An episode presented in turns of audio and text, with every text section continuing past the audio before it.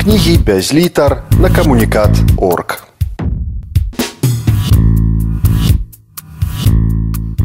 Сергей Токць, бляскі цені вызвалення, 160 гадоў сялянскай рэформы ў Беларусі. 160 гадоў таму назад сяляне Беларусі былі вызвалены ад прыгоннай залежнасці.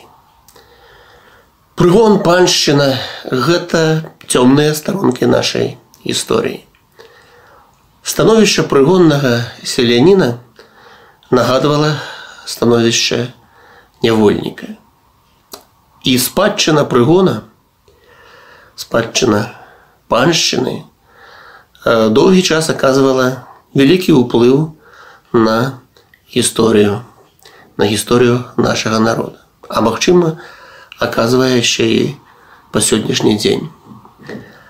Таму я глыбока перакананы, што без асэнсавання вот, гэтай цёмнай старонкі нашай гісторыі, а таксама і э, вызвалення ад паншчыны ад прыгону шляху вызвалення гэтае асэнсаванне з'яўляецца вельмі важным і неабходным для таго каб і лепш разумець гісторыю беларусі апошніх двух стагоддзяў і каб разумець лепш і сучасную сітуацыю якой знаходзіцца наш народ і наша краіна мяне зовут Сергей токць я гісторык 19 стагоддзя і власна хацеў бы паразважаць з вами на гэтую тэму. Няма сумнення, што гэта вельмі важная падзея у нашай гісторыі, якая аказала велізарны ўплыў на жыццё беларускіх сялян. А яны складалі абсалютную большасць насельніцтва Беларусі у той перыяд.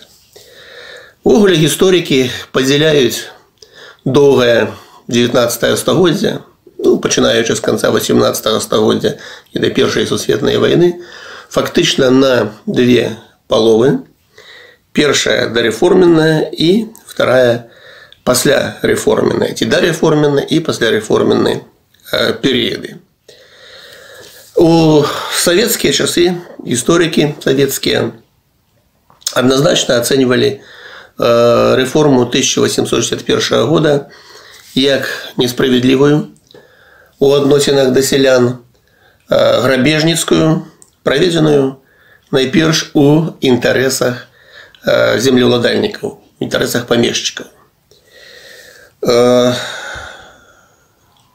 Хаця у сучаснай беларускай гістарыяграфіі калі ўзяць вялікія абагульняючыя працы то рэформе 1861 года адводзіцца традыцыйна шмат месца Але на маю думку адсутнічаюць сур'ёзныя навуковыя дыскусіі па гэтай праблеме.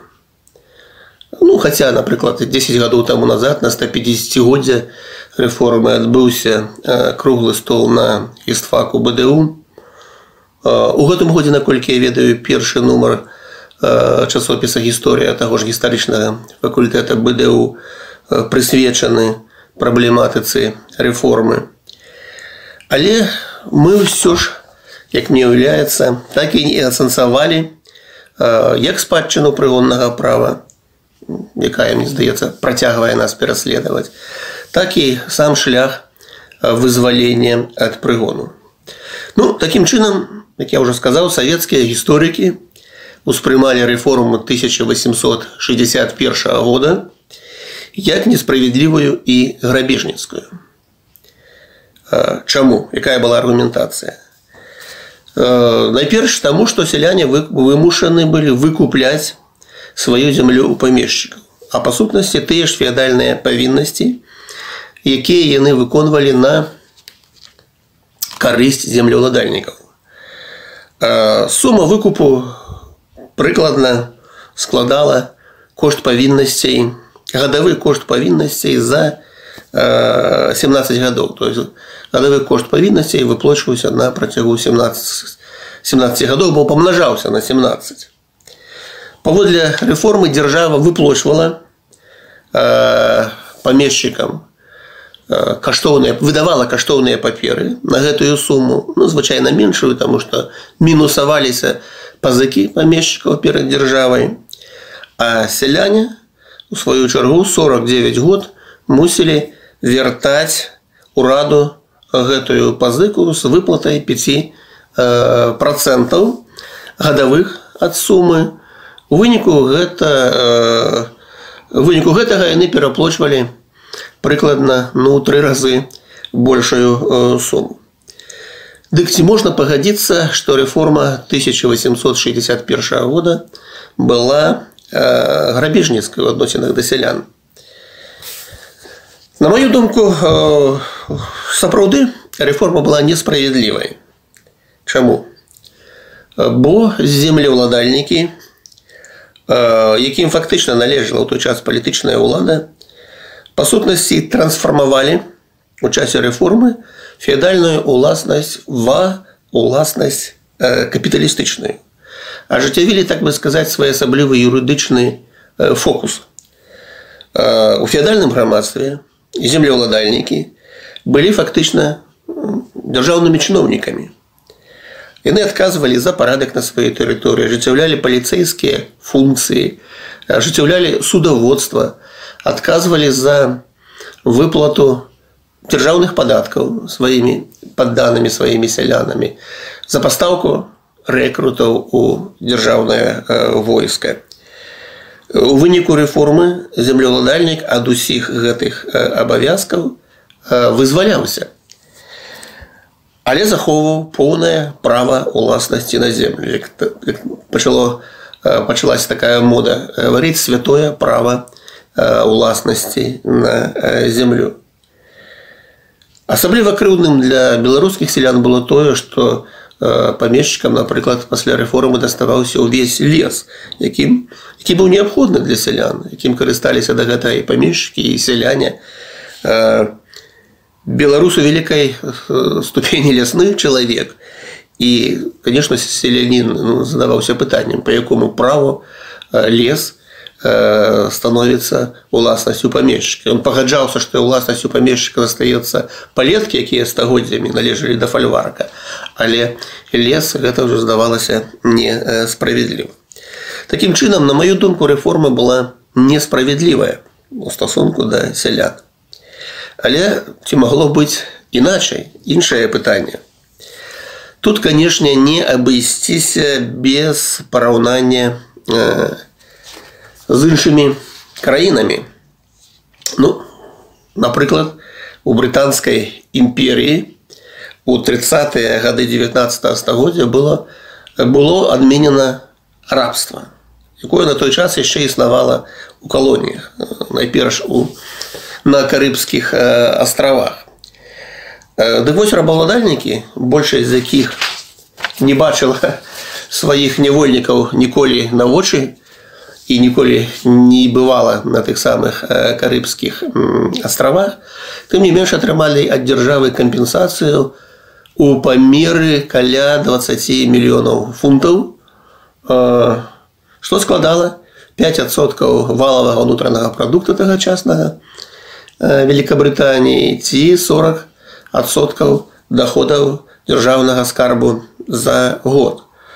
Ураду прыйшлося ўзяць пазыку у найбагацейшага банкірскага дому свету тагачаснага ротшильдаў гэтую пазыку толькі ў канцы два стагоддзя брытанскі ўрад урэшце сплаціў адмена рабства ў ЗША якая амаль збеглася ў часе з адменай прыгоннага права в расійскай імперіі абышлася праўда без выкупу за выкупу рабоў з няволі але прывяла да крывавай грамадзянскай вайны у выніку якой загінула амаль 700 тысяч чалавек.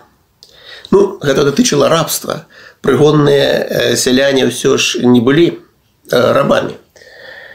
Як адбывалася вызваленне ад прыгону, ну, напрыклад, у іншых краінах Еўропы. У 19 стагоддзі прыгоннае права захавалася пераважна на ўсходзе ва ўсходніх краінах нашага кантыненту у канцы 18 стагоддзя дакладней у 80 гады 18 стагоддзя імператор Юзов II фактычна адмяняе прыгоннае права у аўстрыйскай у дзяржаве аўстрыйскіх габсбургаў абмяжоўвае павіннасці сялян адносна землеўладальнікаў закладае асновы сялянскага самакіравання гэта былі так называныя юзафіанскія рэформы сяляне атрымалі права перасяляцца ў гарады атрымліваць адукацыю ну і іншыя розныя атрымалі вольнасці але пасля смерти юзефа другого его наступнік леопольд фактычна затрымлівае рэформы яны былі замарожаны фактычна на 50 гадоў хаця праўнае становішча сялян у аўстрыйскай імперіі было несумненна лепшым чым прыгонных сялян у расійскай імперіі імперіі раманавых у францыі як вядома пасля вялікай рэвалюцыі былі зліквідаваныя феадальныя павіннасці якія на той час яшчэ выконвалі французскія сяляне і наполеон у час наполеонаўскіх войнаў як бы жыццюляе экспарт гэтых вольнасцей у іншыя краіны Еўропы і пасля ўтварэння варшаўскага княства ці герцагства у 1807 годзе Наполеон скасоўвае там прыгодную залежнасць польскіх сялян. Ім надаецца асабістая вольнасць. Але земля засталася ва ўласнасці памешчыкаў і польскія сяляне надалей адбывалі паншчыну самую цяжкую феадальную павіннасць. У 1807 годзе под уплывам дзеянняў Наполеона і выніку цяжкага паражэння таго ж самага Наполеона праводзяцца рэформы ў Прусіі.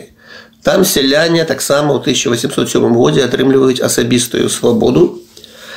А ў 1811 годзе быў выдадзены эдыкт манаршы, паводле якога сялянам дазвалялася выкупляць свае землі і павіннасці у памешчыкаў. Ну правда, ў 1816 годзе гэты эдыкт быў дапрацаваны на карысць памешчыкаў і у Прусіі аграрная рэформа працягвалася вельмі доўга і несумненна праводзілася на карысць землеўладальнікаў. Сяляне павінны былі выплочваць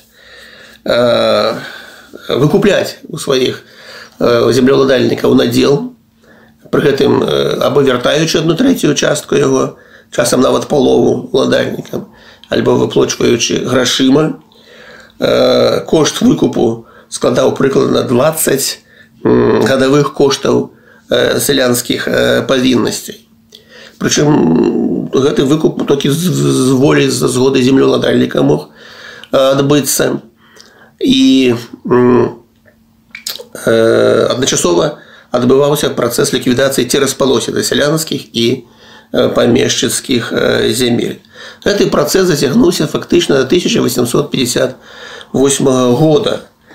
У выніку рэформаў прускіх памешчыцкае землеўладанне там павялічылася, а каля 30 процентаў сялян увогуле пазбавіліся сваіх земельных надзелаў і ператварыліся альбо ў панскіх парабкаў, альбо вымушаны былі ўвогуле пакінуць вёску эміграваць ці за ці ў гарады ці за мяжу.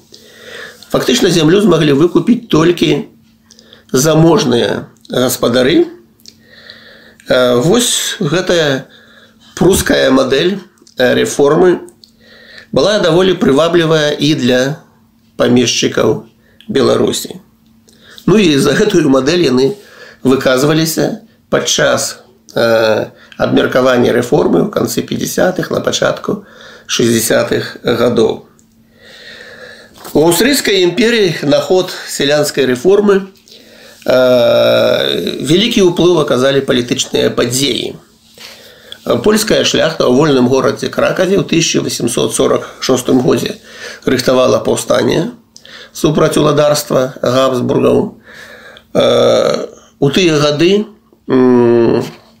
у галіцыі гэтую правінцыю імперіі называлі афіцыйна каралеўствам галіцыі і ладамеры здарыўся страшэнны голад ну на пачатку не ўражай страшэнны потым голад у выніку пачалі выбухаць бунты сялян супраць памешчыкаў бунты гэтыя падаграваліся уладамі імперскімі і ў выніку падчас так званай галіцыйскай разні польскія сяляне выразалі каля двух тысяч польскіх жа шляхцічаў з другого боку гэта спрасціла спрасціла ўладам правядзенне рэформы правядзенне рэформы якая была абвешчана ў 1848 годзе у выніку рэформы сяляне павінны былі выкупіць у памешчыкаў сваю зямлю цена нетта ну, з улікаў вылічэнняў з гэтай цэны абавязкаў памешчыкаў адносна сялян складала прыкладна каля 15 гадавых коштаў сялянскіх павіннасцей. Урад выступіў пасярэднікам землеўладальнікам выдаваліся каштоўныя паперы якія потым выкупляліся адмыслова створанымі для гэтага фондамі ну а сяляне на працягу 20 гадоў вярталі дзяржаве пазыку з улікам выплаты яшчэ 5 процентаў гадавых Такім чынам лады расійскай імперіі маглі ўжо ўлічваць даволі багаты вопыт сваіх суседзяў быў і ўласны досвед вызвалення сялян у прыбалтыйскіх губернях на пачатку 19 стагоддзя. Прычым расійскія памешчыкі былі ў большасці настроены супраць рэформы, супраць вызвалення сялян. Беларускія ў той жа час выступалі за рэформу, асабліва на захадзе Беларусі. Ну але як я ўжо сказаў за такую прускую мадэль, прускі шлях, каб земля засталася ў іх уласнасці, а сяляне выкупалі яе на памешчыцкіх варунках. Ну і трэба сказаць, што выніку быў прыняты ўладамі расійскай імперіі амаль што самы радыкальны з магчымых тады варыянтаў сялянскай рэформы. 19 лютага ці 3 сакавіка по старому стылю 1861 года імператор Александр II подпісаў маніфест об адмене прыгоннага права и положение о крестьянах, выходящих из крепостной зависимости, якое регулировало правные аспекты вызволения.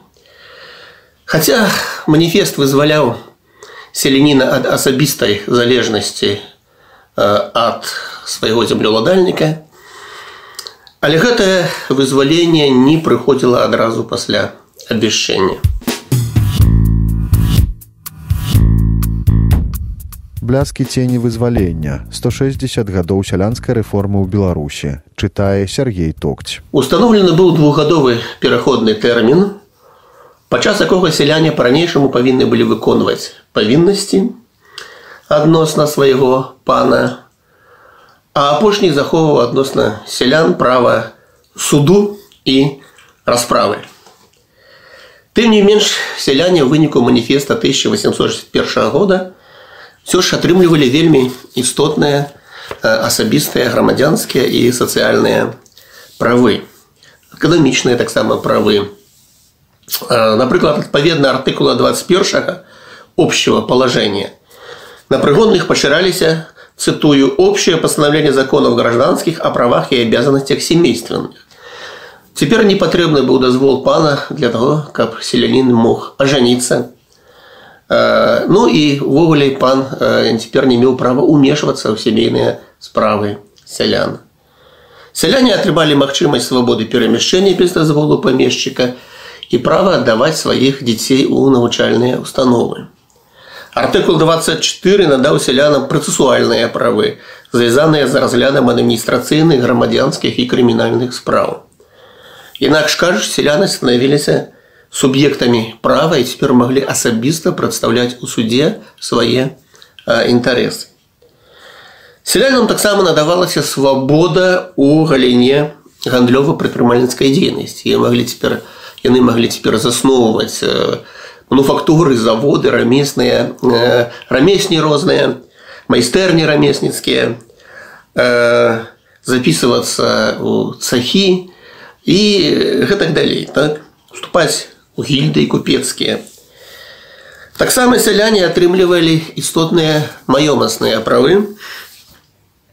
Адразу пасля абвяшчэння вызвалення яны станавіліся уласнікамі сваёй рухомай уласнасці. Адносна ж нерухомай уласнасці быў установлены пераходны э, перыяд. Свае сядзібы ці э, хаты і э, гаспадарчыя пабудовы, свае э, гароды прысядзібныя сяляне маглі э, выкупіць э, па сутнасці э, адразу э, пасля вызвалення. Ну але вось што датычылася э, палеткаў зямельных надзелаў, то іх сяляне маглі выкупіць ужо толькі са згоды э, землеўладальніка.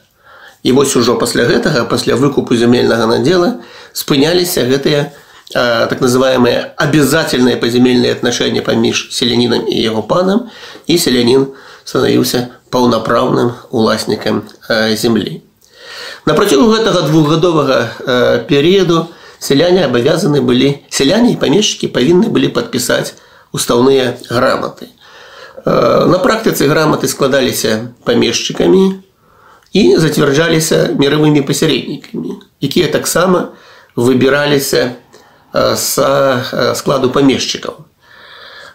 Устаўныя граматы агаворвалі памеры сялянскай зямлі, агаворвалі памер павіннасцей сялян на кары землеўладальніка і памер аброку ці чыншу, які селянін мог плаціць замест пальчыны. Таксама ў гэтых устаўных граматах вызначалася цана выкупу сядзібы, вот, пра якую мы гаварылі. Так?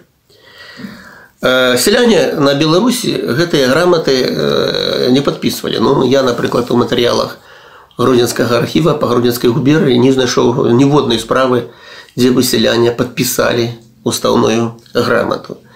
Вызваленне ўвогуле стала для іх вялікім расчараваннем, бо па сутнасці у жыцці сялян нічога не змянялася. І тады распачаліся бунты. Сяляне адмаўляліся выконваць паншчыну, адмаўляліся падпарадковацца ўладзе панскага двору, якой яны па-ранейшаму паводле закона падлягалі. У сваю чаргу памешчыкі пачалі э, выклікаць паліцыю і войскі для тлумення гэтых бунтаў. Ось у гродзенскай губерніі 1862 годзе болей за 70 разоў э, памешчыкі выклікалі войскі і салдат казакоў для падаўлення сялянскіх бунтаў. Атмасферу таго часу вельмі добра перадае у сваіх успамінах заможны памешчык э, гродзенскай губерні Ян Біспінг. Праўда, ён сам тады не прысутнічаў на гродзеншчыне уже пазней па поведах сваякоў апісвае сітуацыю. Працытую э, на мове арыгіналу на польскай мове э, быў то астатні рок власцянскай паншчызны. Належала венц, новыя гаспадаркі гаспадарскія стасункі ўжондзіць і пшэйць нарочне гадзоных вольных парубков. Так названы грамоты чылі засады ўлашчэння жонт паволі па гмінах вправадзал. І не абходзілася то jednak без труднасці і разрухов, gdyż chłopi, upojeni świeżo nadaną im wolnością, pracować do końca roku nie chcieli i gramot nie przyjmowali, myśląc, że wszystkie grunty bez wykupu darmo im nadawane będą.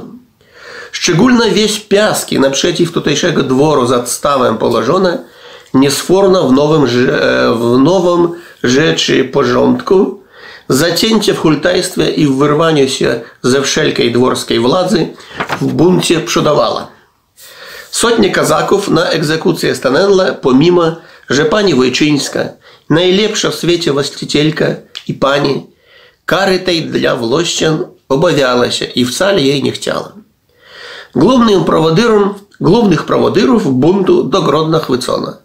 Бабы Песковські роз'їшоне атакували палац каменями і кочерахами, оменживши до поминаєнс і зальживими слови панін своїн лаєнс. Омало co do krwi rozlewu nie przyszło. To niespodziewane zdarzenie tak babkę moją do wsi zniechęciło, że wkrótce na mieszkanie do Волковыска wyjechała, a na zimę do Drezna, do Drezna zdążyła i tam do 1869 roku mieszkała.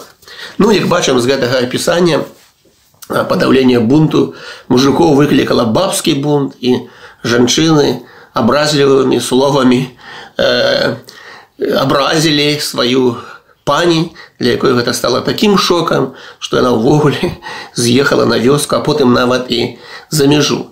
І гэта была тыповая сітуацыя для беларускіх земляў. На ўсходзе Беларусі на поўдні сітуацыя была яшчэ больш радыкальная. Захаваліся цікавыя ўспаміны, што сяляне падтрымлівалі адзін аднаго ў бунце, напрыклад, плытагоны, якія па рэчках перавозілі лес, тавары, яны калі праплывалі каля вёсак, то крычалі: мужики, трымайцеся, не адбывайце паншчыну. Такім чынам сапраўды Беларусь віравала і сяляне былі радыкальна настроеныя супраць супраць вось менавіта таких таких умоваў умоваў рэформы так і тут канешне тут канешне трэба прызнаць што на шчасце для сялян выбухнула паўстання 1863 года ну тады как бы разумным людям было абсолютно ясно что без падтрымки сялянства расійскія войскі даволі лёгка расправиться с паўстанцамі і таму літоўскі правінцыйны камітэт подпольны ўрад паўстанцаў выдае маніфест часовага правінцыйнага ўрада беларусі і літвы у якім абяцае сялянам усю зямлю якую яны абрабляюць без усялякага выкупу навекі вечныя. А памешчыкам абяцае э, кампенсацыю ад дзяржавы. Безземельным жа сялянам парабкам хто пойдзе ў паўстане урад паўстанскі абяцаў за гэта тры моргі землі з дзяржаўных рэзерваў скажем так натуральна гэта былі лепшыя лепшыя умовы чым тыя якія давала сялянам царская рэформа Константин Каліновскі адзін з лідараў паўстання на беларусі літве канешне быў радыкальным прыхільнікам сацыяльных зменаў і эмансіпацыі сялянства ставіў па сутнасці ну на падтрымку сялянства ў барацьбе з расійскай імперіяй. Цяпер уже каб не дапусціць масавай падтрымкі паўстання з боку сялян беларускіх, расійскі ўрад у сваю чаргу пайшоў на даволі істотныя змены у парадку правядзення рэформ на карысць сялянства.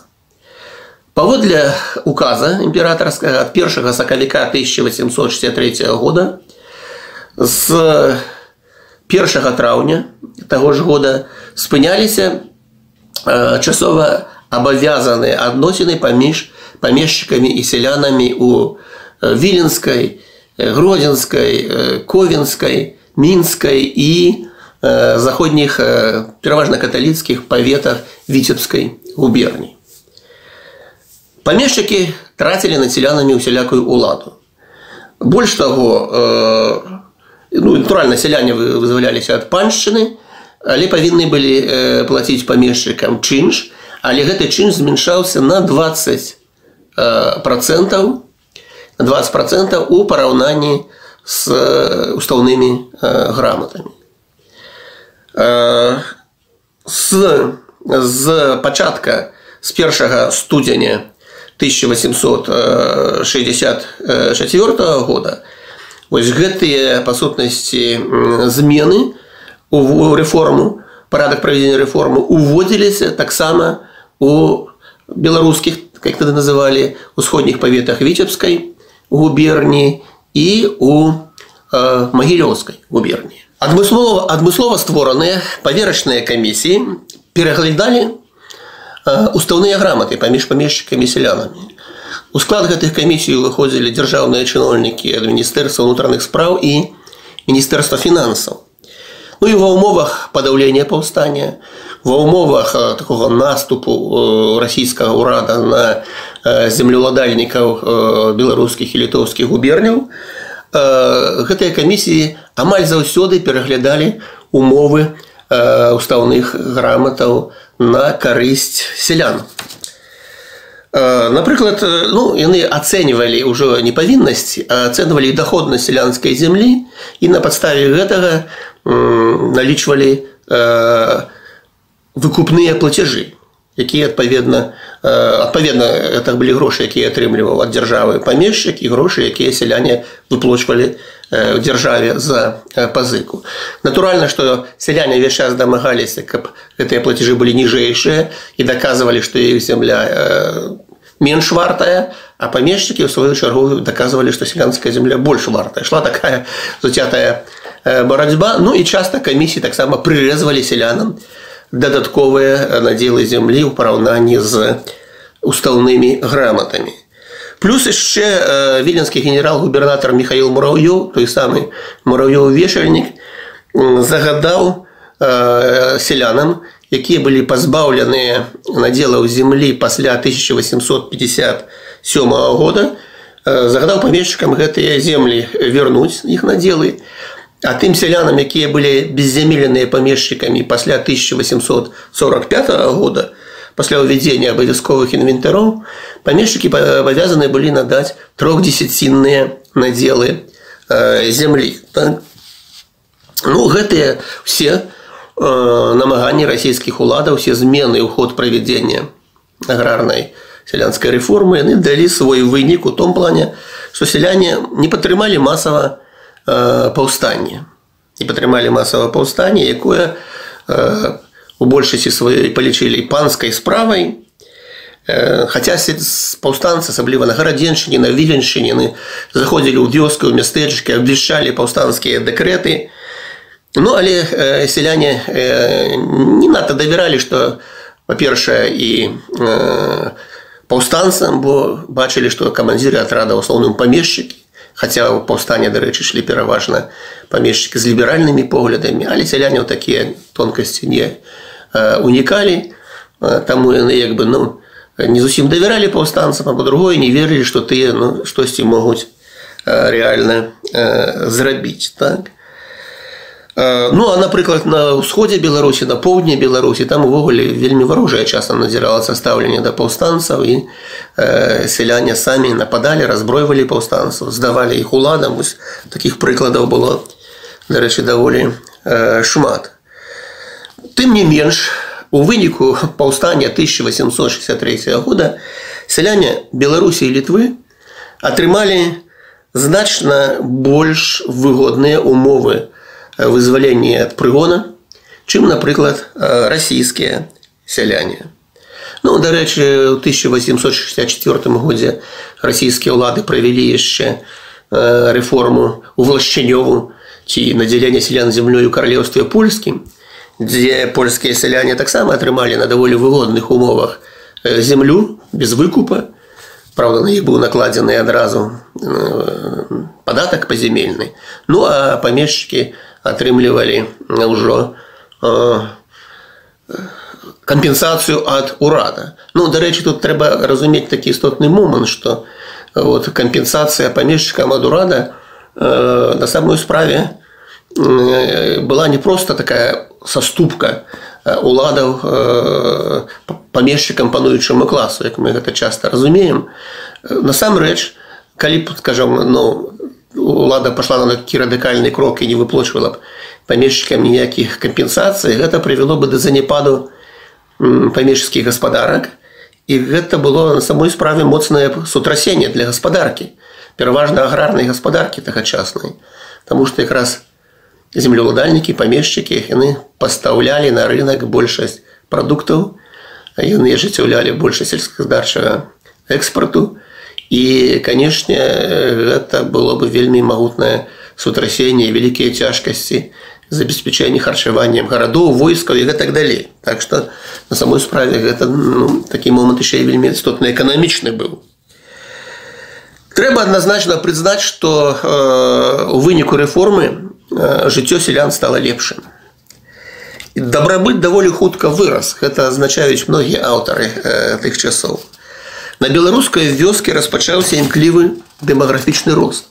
у выніку до конца 19 стагоддзя сялянскае насельніцтва беларусі фактычна падвоілася ну і тады ж стаў сталася відавочным што патэнцыял рэформы сябе вычарпаў ад перанаселенасці вёскі э, паўстала праблема малаземелья так званага земельнага голаду рэформа не вырашыла пытанне ці распалосіцца сялянскіх земель што тармазіла потым э, увядзення новых сельскагаспадарчых тэхналогій Э, таксама рэформа не вырашыла пытанне сервітутаў ці зямель якія знаходзіліся ў агульным карыстанні сялян і памешчыкаў і гэта прыводзіла ўвесь час да канфліктаў канфліктаў якія ставалі ўсё больш вострымі часам крывавымі і э, у выніку сітуацыя на мяжы 19 20 стагоддзя зноў становіцца э, крызіснай Ну цікава што падобныя праблемы назіраліся таксама у каралёўстве польскім у галіцыі у імперіі аўстра-венгерскай тады ўжо ну а напрыклад у прусіі дзе рэформа была праведзена несумненна у перш чаргу у інтарэсах памешчыкаў узровень сельскай гаспадаркі на між 19 20 стагоддзя быў нашмат вышэйшым і тут узнікае пытанне што прускі шлях аказаўся самым рацыянальным як бы дарагія кошты рэформы на пачатку аплаціліся гаспадарчым поспехам пазней. Думаю, што такое сцверджанне было б неправільным.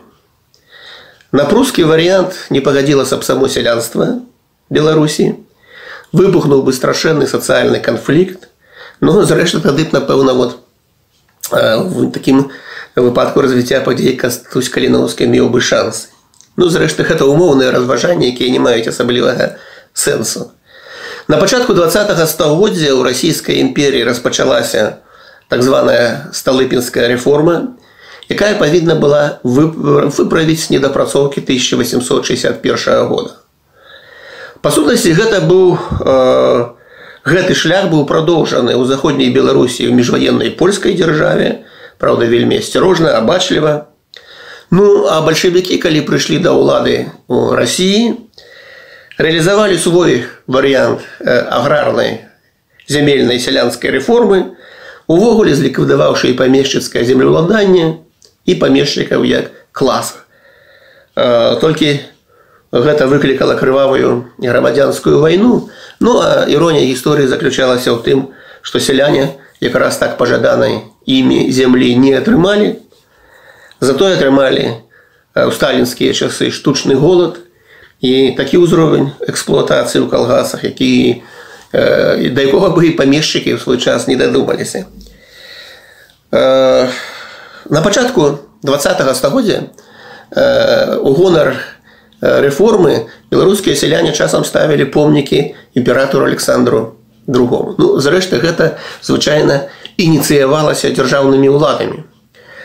Але справа ў тым правда гісторыі у тым што галоўная заслуга у вызваленні сялян ад прыгоннай залежнасці належала самім беларускім сялянам нашим продкам якія вялі неспыннае змаганне супраць прыгону тысячи людзей былі замучаны да смерти тысячи тысячи людзей былі высланы ў сібір тысячи аддадзены у рэкруты у салдаты у наших архівах поўна таких дакументаў дзе гэтая гісторыя опісваецца і многія з гэтых дакументаў яны чакаюць яшчэ сваіх даследчыкаў ну вось напрыклад мае продкі жыхары мястэчка скізель яны ніколі не прызналі сябе прыгоднымі і ўвесь час змагаліся супраць сваіх уладальнікаў князёў чацверцінскіх і такая гісторыя такая гісторыя ёсць у кожнага беларуса. Кожны знойдзе такую гісторыю калі